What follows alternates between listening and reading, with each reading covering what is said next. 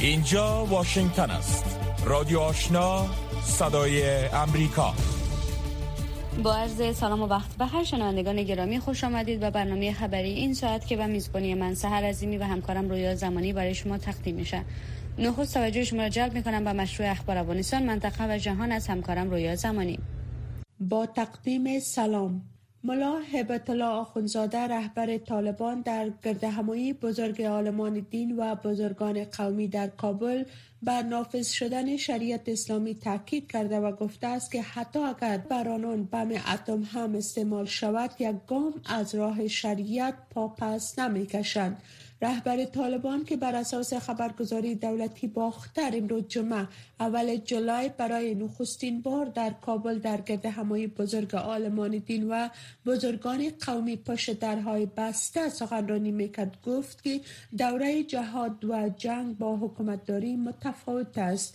و همچنان گفت که مجاهدین با شجاعت جهاد کردند میدان را بردن برای نظام شرعی قربانی دادن اما تطبیق شریعت کار طالب و مجاهد نیست نافذ کردن شریعت کار عالمان دین است سخنرانی صوتی رهبر طالبان از طریق چینل یوتیوب و دیگر صفحات اجتماعی تلویزیون ملی به گونه زنده نشر می شد.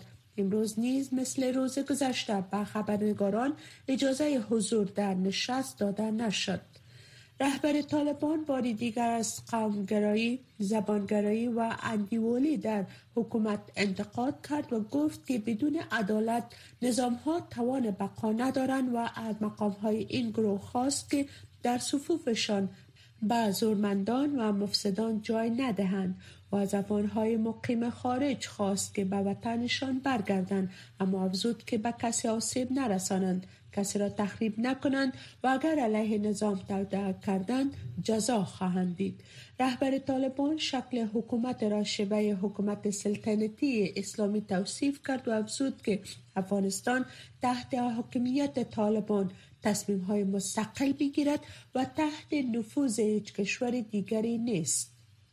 مشال بشله کمیشنر عالی ملل متحد در امور حقوق بشر می‌گوید که زنان و دختران افغان در زیر سلطه طالبان در بی سرنوشتی و یک وضعیت بحرانی به سر می‌برند. خانم بشل ساعت پیش در نشست استراری که به خاطر بررسی وضعیت زنان و دختران افغان در شورای حقوق بشر ملل متحد برگزار شده بود همچنان گفت که زنان و دختران افغان در حال حاضر بزرگترین عقبگرد را از رهگذر حقوقشان در افغانستان تصیه می کنند او افزوده است که اگر وضعیت کنونی برای زنان و دختران افغان به زودی تغییر نکند آینده آنان تاریکتر خواهد بود. ریچارد بنت گزارشگر ویژه ملل متحد در امور حقوق بشر افغانستان که نیز در این نشست سخنرانی کرد طالبان را به سرکوب روزافزون زنان در افغانستان متهم کرده و گفت که سیاست های زن ستیزی طالبان در جهان نظیر است. از سوی هم نماینده اتحادیه اروپا در مقر ملل متحد در ژنو گفته است که اقدامات و سیاست های طالبان منتج به نقص سیستماتیک حقوق زنان و دختران در افغانستان شده است. برنامه جهانی غذا یا WFP می گوید که روند کمک های اضطراری به زلزله زدگان در ولایت های پکتیکا و خوست جریان دارد و در جریان بیشتر از یک هفته گذشته به 25 هزار نفر کمک کرده است. این اداره ملل متحد روز جمعه گفت که این کمک های استراری شامل مواد خوراکی و غیر خوراکی است که در روزهای اخیر به باشندگان ولایت های پکتیکا و خوست توضیح شده است. این اداره با ابراز نگرانی گفته است که بر علاوه این زلزله وضعیت در افغانستان استراری است و از ماها به این سو شهروندان این کشور با ناامنی غذایی شدید مواجه هستند. بر اساس معلومات این اداره ملل متحد در حال حاضر بیش از 19 میلیون نفر در این کشور با ناامنی غذایی حاد دست پنجه نرم می کنند که در کنار بحران اقتصادی و خشکسالی در این کشور وقوع زلزله مرگبار در ولایت های جنوب شرق افغانستان به این آمار افزوده است. برنامه جهانی غذا تاکید کرده است که به تلاشهایش برای رسیدگی به زلزله زدگان در این کشور ادامه می دهد. جبهه مقاومت ملی افغانستان به رهبری احمد مسعود می‌گوید که در اثر حمله نیروهای آنان در بر بخشای دره اندراب ولایت بغلان بیش از ده تن از افراد طالبان کشته شدند اما مقام های این گروه درگیری و وارد شدن تلفات را رد می کنند سبقت الله احمدی سخنگوی این جبهه در خبرنامه گفت که این حمله نیروهای جبهه مقاومت در روستای کاست تراش از مربوطات ولسوالی ده صلاح دره اندراب صورت گرفته است که در اثر آن تلفات سنگین به طالبان وارد شده است. آقای احمدی مدعی شده است که در این درگیری که برای چندین ساعت ادامه داشت در تن از افراد طالبان کشته و پنج تن دیگر آنان زخمی شده است اما مقام های محلی طالبان در بغلان هر گونه حمله نیروهای جبهه مقاومت و درگیری با افراد این گروه را در دره اندراب رد کرده و آن را به اساس می دانند. حامد کرزی رئیس جمهور سابق افغانستان از امریکا خواسته است که حدود 7 میلیارد دلار پشتوانه پولی منجمد شده افغانستان را من حیث امانت مردم این کشور حفاظت کند. آقای کرزی این خواست را در توییت مطرح کرده و افزوده است که امریکا این مقدار پول را تحت هیچ عنوان و مصرف نرساند. روزنامه واشنگتن پست به تازگی در گزارش گفته است که امریکا با طالبان روی یک مکانیزم کار می کند که چگونه از ذخایر ارزی منجمد شده افغانستان استفاده شود.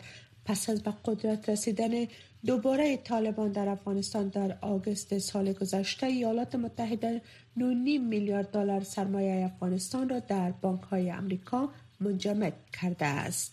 شما مشروع خبرها را از امواج رادیو آشنا صدای امریکا اورسولا بندرلاین رئیس کمیسیون اروپا به اوکراین اطمینان داد که اتحاد اروپا در تمام طول روند الحاق این کشور به اتحاد اروپا در کنار اوکراین خواهد بود. این اتحاد تنها چند روز پس از اعطای نمزدی عضویت اوکراین در اتحاد اروپا صورت می‌گیرد. وندرلاین که از بروکسل در پارلمان اوکراین صحبت می‌کرد این روز را نقطه عطف تاریخی خواند و از عزم اوکراین برای پیوستن به خط سیر اتحاد اروپا تمجید کرد. انتظار می رود که هنوز چندین سال یا حتی ده ها طول بکشد تا اوکراین رسما به عضویت اتحاد اروپا درآید. از سوی هم رئیس جمهور ترکیه روز گذشته به سویدن و فنلند هشدار داده گفت که اگر بر توافق جدید با انقره عمل نکنند عمانی عضویت این کشور در پیمان اتلانتیک شمالی یا ناتو خواهد شد.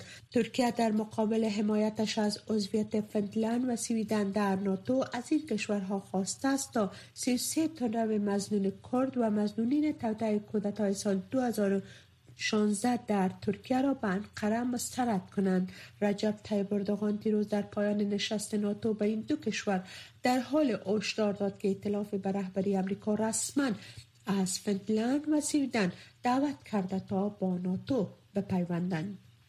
رئیس جمهور اندونزیا در پایان سفرش به اوکراین و روسیه بیان داشت که امیدوار است که پیشرفت دوباره در یک پارچه سازی مواد غذایی جهانی و خطوط مختل شده عرضه کود کیمیایی ناشی از درگیری های بین دو کشور دوباره احیا شود. این مقام اندونزیایی همچنان پیشنهاد کرد که می‌خواهد میانجی دیپلماتیک بین دو کشور باشد. جوکو ویدو دودو رئیس جمهور اندونزیا که امسال ریاست نشست کشورهای جی 20 را می‌کند در یک کنفرانس خبری در کنار همتای روسی خود ولادیمیر پوتین پس از یک دیدار دو جانبه در مسکو روز پنجشنبه این اظهارات را بیان داشت. آقای ویدودو در جریان این سفرش به کیف همچنان دیروز با ولادیمیر زلنسکی رئیس جمهور اوکراین ملاقات کرد. در خبر دیگر به دنبال حمله های راکتی روسیه در شهر علیسه اوکراین اداره خدمات اضطراری آن کشور می‌گوید که هفت نفر به شمول سه کودک از زیر آوار نجات داده شدند. مقام های کشته شده 14 تن را تایید کرده و گفتند که سی تن دیگر زخمی شدند. اداره منطقه نظامی اوداسا گفته که یک راکت دیگر به یک مرکز تفریحی اصابت کرده و در آن کم از کم سه تن به شمول یک کودک کشته و سه تن دیگر زخمی شده است. این حملات بر اوداسا در 19 همین هفته تهاجم گسترده روسیه بر اوکراین صورت گرفته است.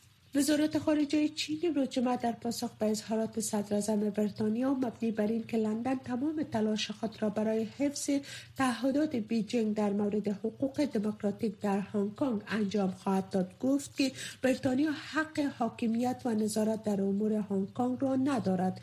ژیا لی جیون سخنگوی وزارت خارجه چین در یک نشست خبری گفت که هنگ کنگ در قلمرو تحت سلطه چین است و هیچ نیروی خارجی حق دخالت در امور آن را ندارد. ژوی همچنین بریتانیا را به حفظ ذهنیت استعماری علا رغم واگذاری منطقه به چین متهم کرد و همچنان بریتانیا را به استفاده از حقوق بشر به عنوان بهانه برای به چالش کشیدن هنگ کنگ متهم کرد. بوریس جانسون صدر بریتانیا گفت که چین به تعهد خود مبنی بر احترام به نامه یک کشور دو سیستم که بر اساس آن به حاکمیت استعماری بریتانیا در هنگ کنگ در سال 1997 پایان داد ناکام مانده است. و در خبر اخیر که تنجین براون جکسن من حیث نخستین زن امریکایی افریقایی تبار به صفت قاضی محکمه عالی ایالات متحده حلف وفاداری یاد کرد. خانم جکسن 51 ساله 116 امین قاضی محکمه عالی امریکا است و پس از آن که استفن بریر از این سمت اعلام اعتقاد کرد او از سوی جو بایدن رئیس جمهوری ایالات متحده به این سمت نمزد شد. خانم جکسن زمانی در دفتر خانم استفن بریر کار می‌کرد. بر اساس رسم محکمه عالی امریکا خانم جکسن دو بار سوگند وفاداری یاد کرد. یکی توسط خانم بریر که چاشت روز گذشته رسما وظیفهاش به پایان رسید و دوم توسط جان رابرتس وزیر عدلیه امریکا خانم جکسن در جریان مراسم تحلیفش گفت که مسئولیتهایش را پذیرفته از قانون اساسی ایالات متحده از قانون اساسی ایالات متحده دفاع کرده و عدالت را بدون حراس و طرفداری تامین خواهد کرد. خانم جکسن همچنین نخستین وکیل مدافع عامه است که در محکمه عالی خدمت خواهد کرد. شنونده های محترم. این بود مشروع خبرها تا این لحظه. از امواج رادیو آشنا صدای امریکا. روکو راست. صحبت های داغ صاحب نظران در مورد خبرها و مسائل روز هر شام از ساعت 8 تا 9 شب در برنامه مشترک دری و پشتوی رادیو آشنا صدای امریکا. بخش زنده این برنامه را در نشرات ماهواره صدای امریکا نیز دنبال کرده می توانید.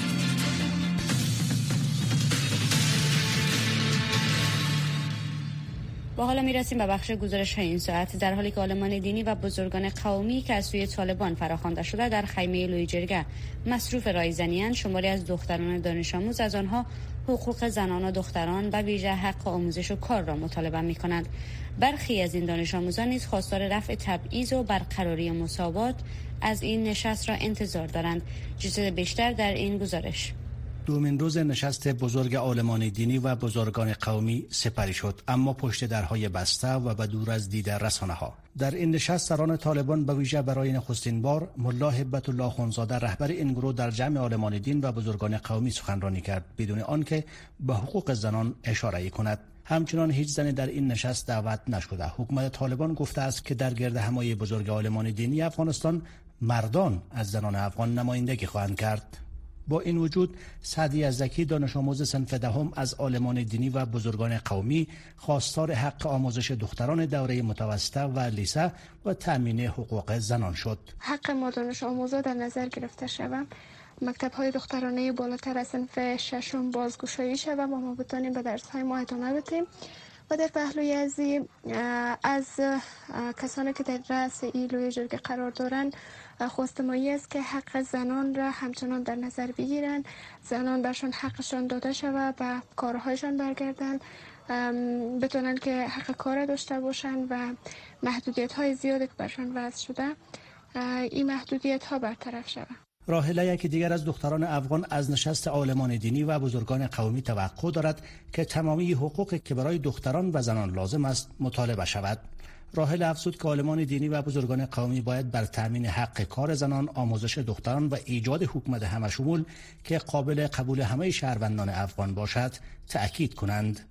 حقوقی که در اسلام و در اجتماع بر زنان لازم است باید برشان داده شود و در ضمن از تمام اشخاصی که در دولت قبلی بود و در دولت فعلی است باید در تشکیل دولت در نظر گرفته شوند و یک مافیت عمومی بین اقوام کشور اعلان شود تا همگی در فضای قوت و برابری و مساوات بتانند.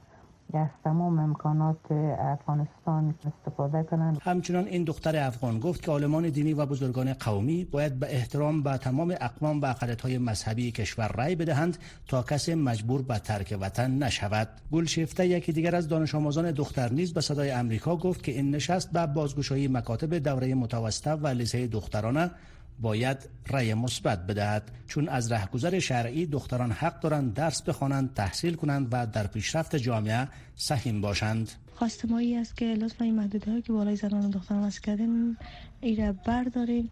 چرا که نیم پیکر جامعه را زن تشکیل میده و بگذارن که خانم ها درس بتر پنتون بدن درس بتر وظیفه برون و دفاتر خود و کار کنند تا جامعه ما پیشرفت کنند و باعث پیشرفت و آبادی کشور ما شود. این دانش آموز تاکید کرد که هرگاه زن فاقد استقلال اقتصادی باشد استقلال سیاسی و اجتماعی نیز نخواهد داشت. و گفته وی جامعه‌ای که زنان در آن سهم نداشته باشند پیشرفت و ترقی را تجربه نخواهد کرد چون نیمی از پیکر جامعه از فعالیت باز میماند. نشست بزرگ عالمان دینی روز پنجشنبه آغاز شد که به گفته مقامات طالبان 3500 تن از عالمان دین و بزرگان قوم از سراسر افغانستان در این نشست فراخوانده شدند.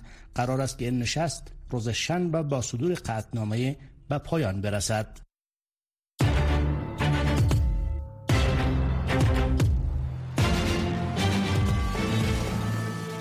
رکو راست صحبت های داغ صاحب نظران و نظریات شنوندگان در مورد خبرها و مسائل روز هر شام از ساعت 8 تا 9 شب در برنامه مشترک دری و پشتوی رادیو آشنا صدای امریکا.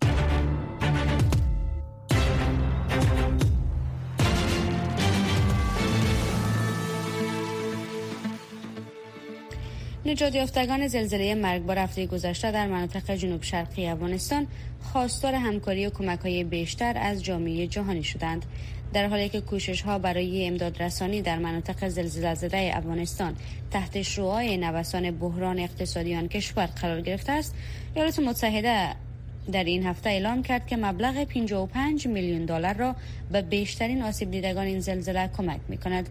جزئیات گزارش اسوسییتد پرس را در این مورد از همکارم قدیر مشرف بشنوید. زلزله مرگبار هفته گذشته در افغانستان که در بیش از دو دهه بی پیشینه بود بر اساس گزارش سازمان جهانی صحت 363634 نفر را متاثر ساخته است. در گزارش تازه این سازمان آمده است که 1036 نفر در این حادثه طبیعی جان باخته و 3669 نفر هم مجروح شدند. بر اساس گزارش اسوسییتد پرس تنها در ولسوالی اسپیره ولایت خوست زلزله‌ای که شدت آن تقریبا 6 به مقیاس ریکتر ثبت شده جان 36 نفر را گرفته. بیش از 1300 تن دیگر را مجروح ساخته و 1500 منزل مسکونی را ویران کرده است.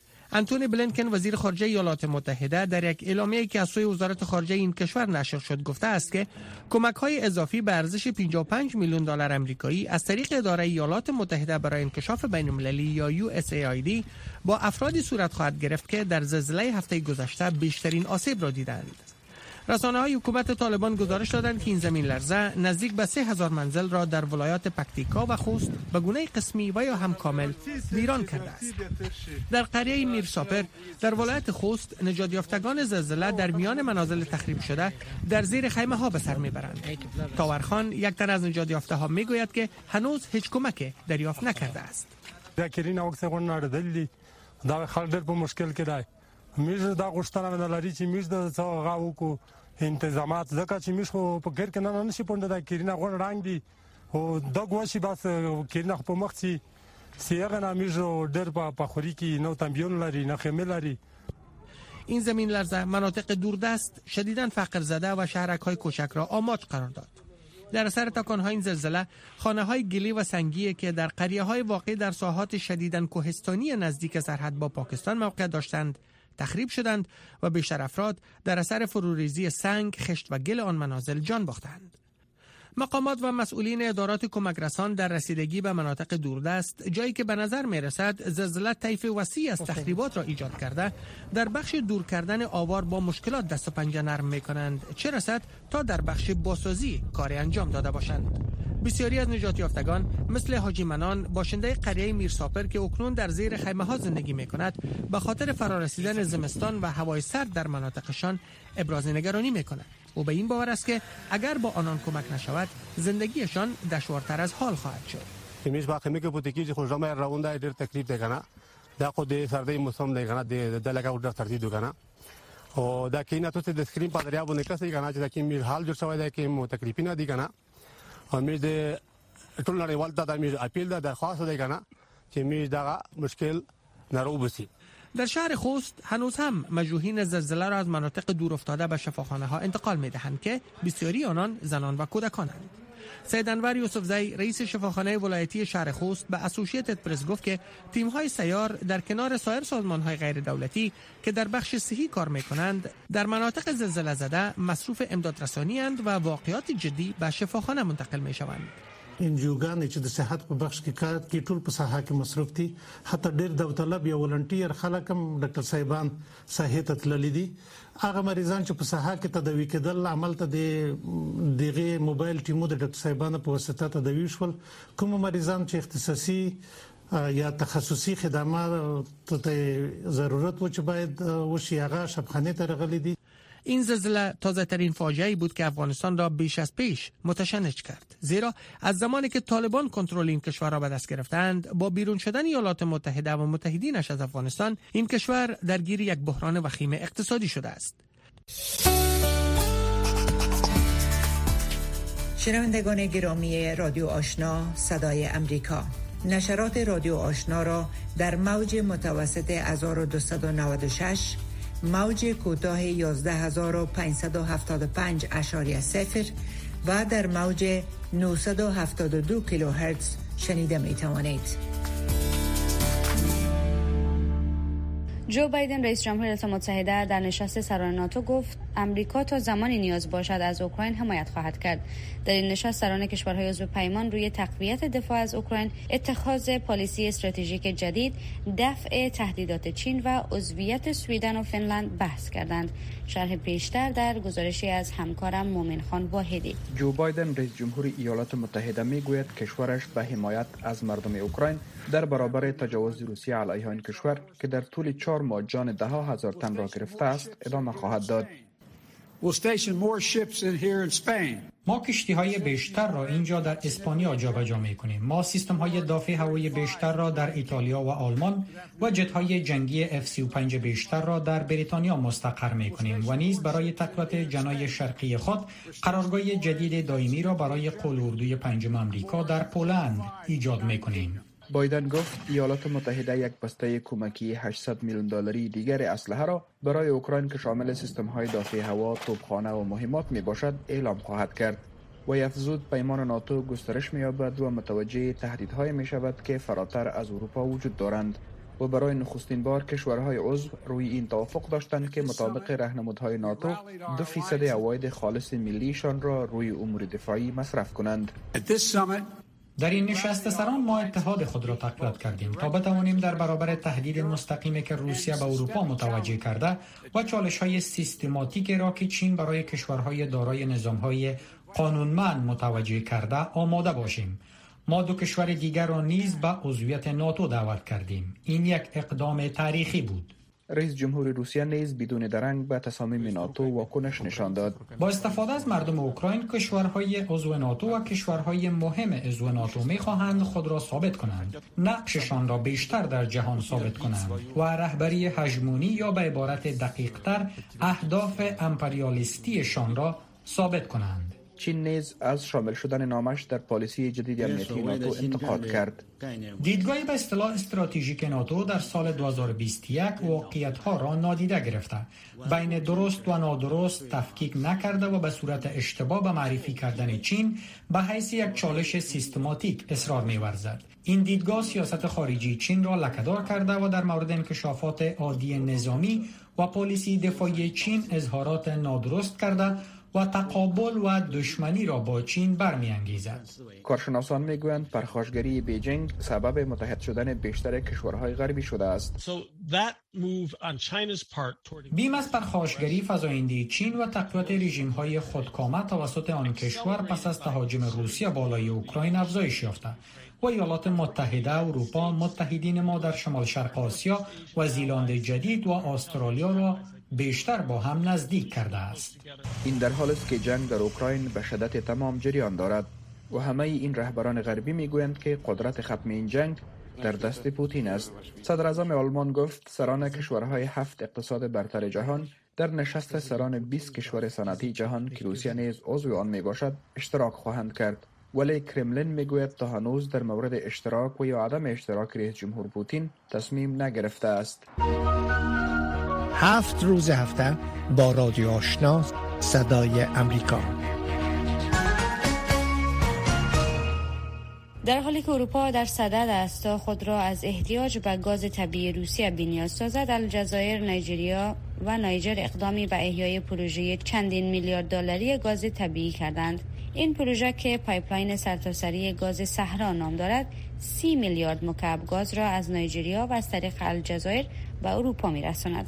اما تحلیلگران می‌گویند این پروژه با آزمون های زیادی مواجه می باشد تیموتی اوبیزو از ابوجای نایجریا گزارشی در این مورد دارد که همکارم عبدالواجد عادل جزئیات بیشتر آن را تقدیم می کند سلوا وزیر پترولیم نایجریا گفت که تمویل پروژه از سوی اروپا صورت می‌گیرد و مقامات این کشور همین حالا در صدد مذاکرات با کمپانی ها و کشورهای اروپایی می باشند.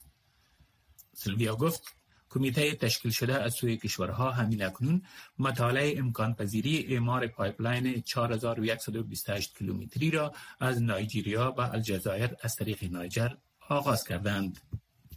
این تصمیم بزرگ برای احیای پروژه گاز pipeline سرتاسری صحرا در اجلاس دو روزه در ابوجا هفته گذشته از سوی مقامات پترولیم این سه کشور افریقا گرفته شد قرار است این کمیته در ختم جولای جلسه را دایر کند این پروژه از سوی اتاق انرژی کشورهای افریقایی مورد استقبال قرار گرفته است. این اتاق در صدد ترغیب همکاری ها در این قاره در سکتور انرژی می باشد این پروژه همچنان از سوی کارشناس امور انرژی ایمانوئل افیامی مورد تمجید قرار گرفته است.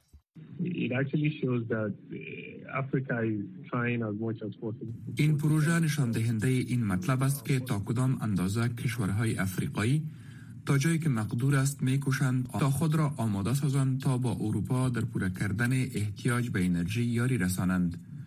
در این حال این پروژه برای کشورهای افریقایی نیز اهمیت دارد و می تواند جوامع محلی را نفع برساند. این ابتکار چهل سال قبل طرح گردیده بود اما علاقمندی به آن بعد از آن دوباره افزایش یافت که روسیه جنگ با اوکراین را آغاز کرد و اروپا خواست احتیاج خود را به انرژی روسیه کاهش بخشد. کارشناسان مانند افیانی می‌گویند که تقاضا برای گاز طبیعی رو به افزایش می باشد پروژه سرتاسری گاز طبیعی امتداد صحرا می تواند در صورتی که به خوبی عملی شود آینده افریقا را متحول سازد. ایزاک بوتی تحلیلگر تمویل عام می گوید که اراده سیاسی در گذشته یک چالش بود و امروز نیز چنین است. For me, I think the major challenge is the political will of these countries در نزد من یکی از چالش های عمده اراده سیاسی کشورهایی است که بخواهند در این معامله بزرگ سهیم شوند. طور مثال پروژه pipeline نایجریا و گانا که به بنبست رسیده است نتیجه اراده سیاسی بوده است نه مشکل موجودیت منابع برای آن. مشکل عمده این است که کشورها در صدد دستیابی به پول آسان می باشند در ماه اپریل های اتحادیه اروپا در ابوجا با مقامات نایجریایی روی متنوع ساختن منابع انرژی اروپا مذاکراتی داشت. در اوایل جون مقامات نایجریایی با کمپانی دولتی نفت خود شرکت ملی نفت نایجریا حکم صادر کرد تا پروژه گاز طبیعی را از طریق مراکش به اجرا درآورد. مقامات در این حال طرحی را در نظر دارند تا گاز طبیعی بیشتری را از مناطق جنوب و شمال نایجریا انتقال داده و توربین گازی عمده را در ابوجا تعمیر نمایند. در این بخش برنامه می‌رسیم و پایان سرویس خبری این ساعت از رادیو آشنا صدای امریکا برنامه زنده ما تا دقایق بعد شروع میشه. می‌خوایم که همراه ما باشید.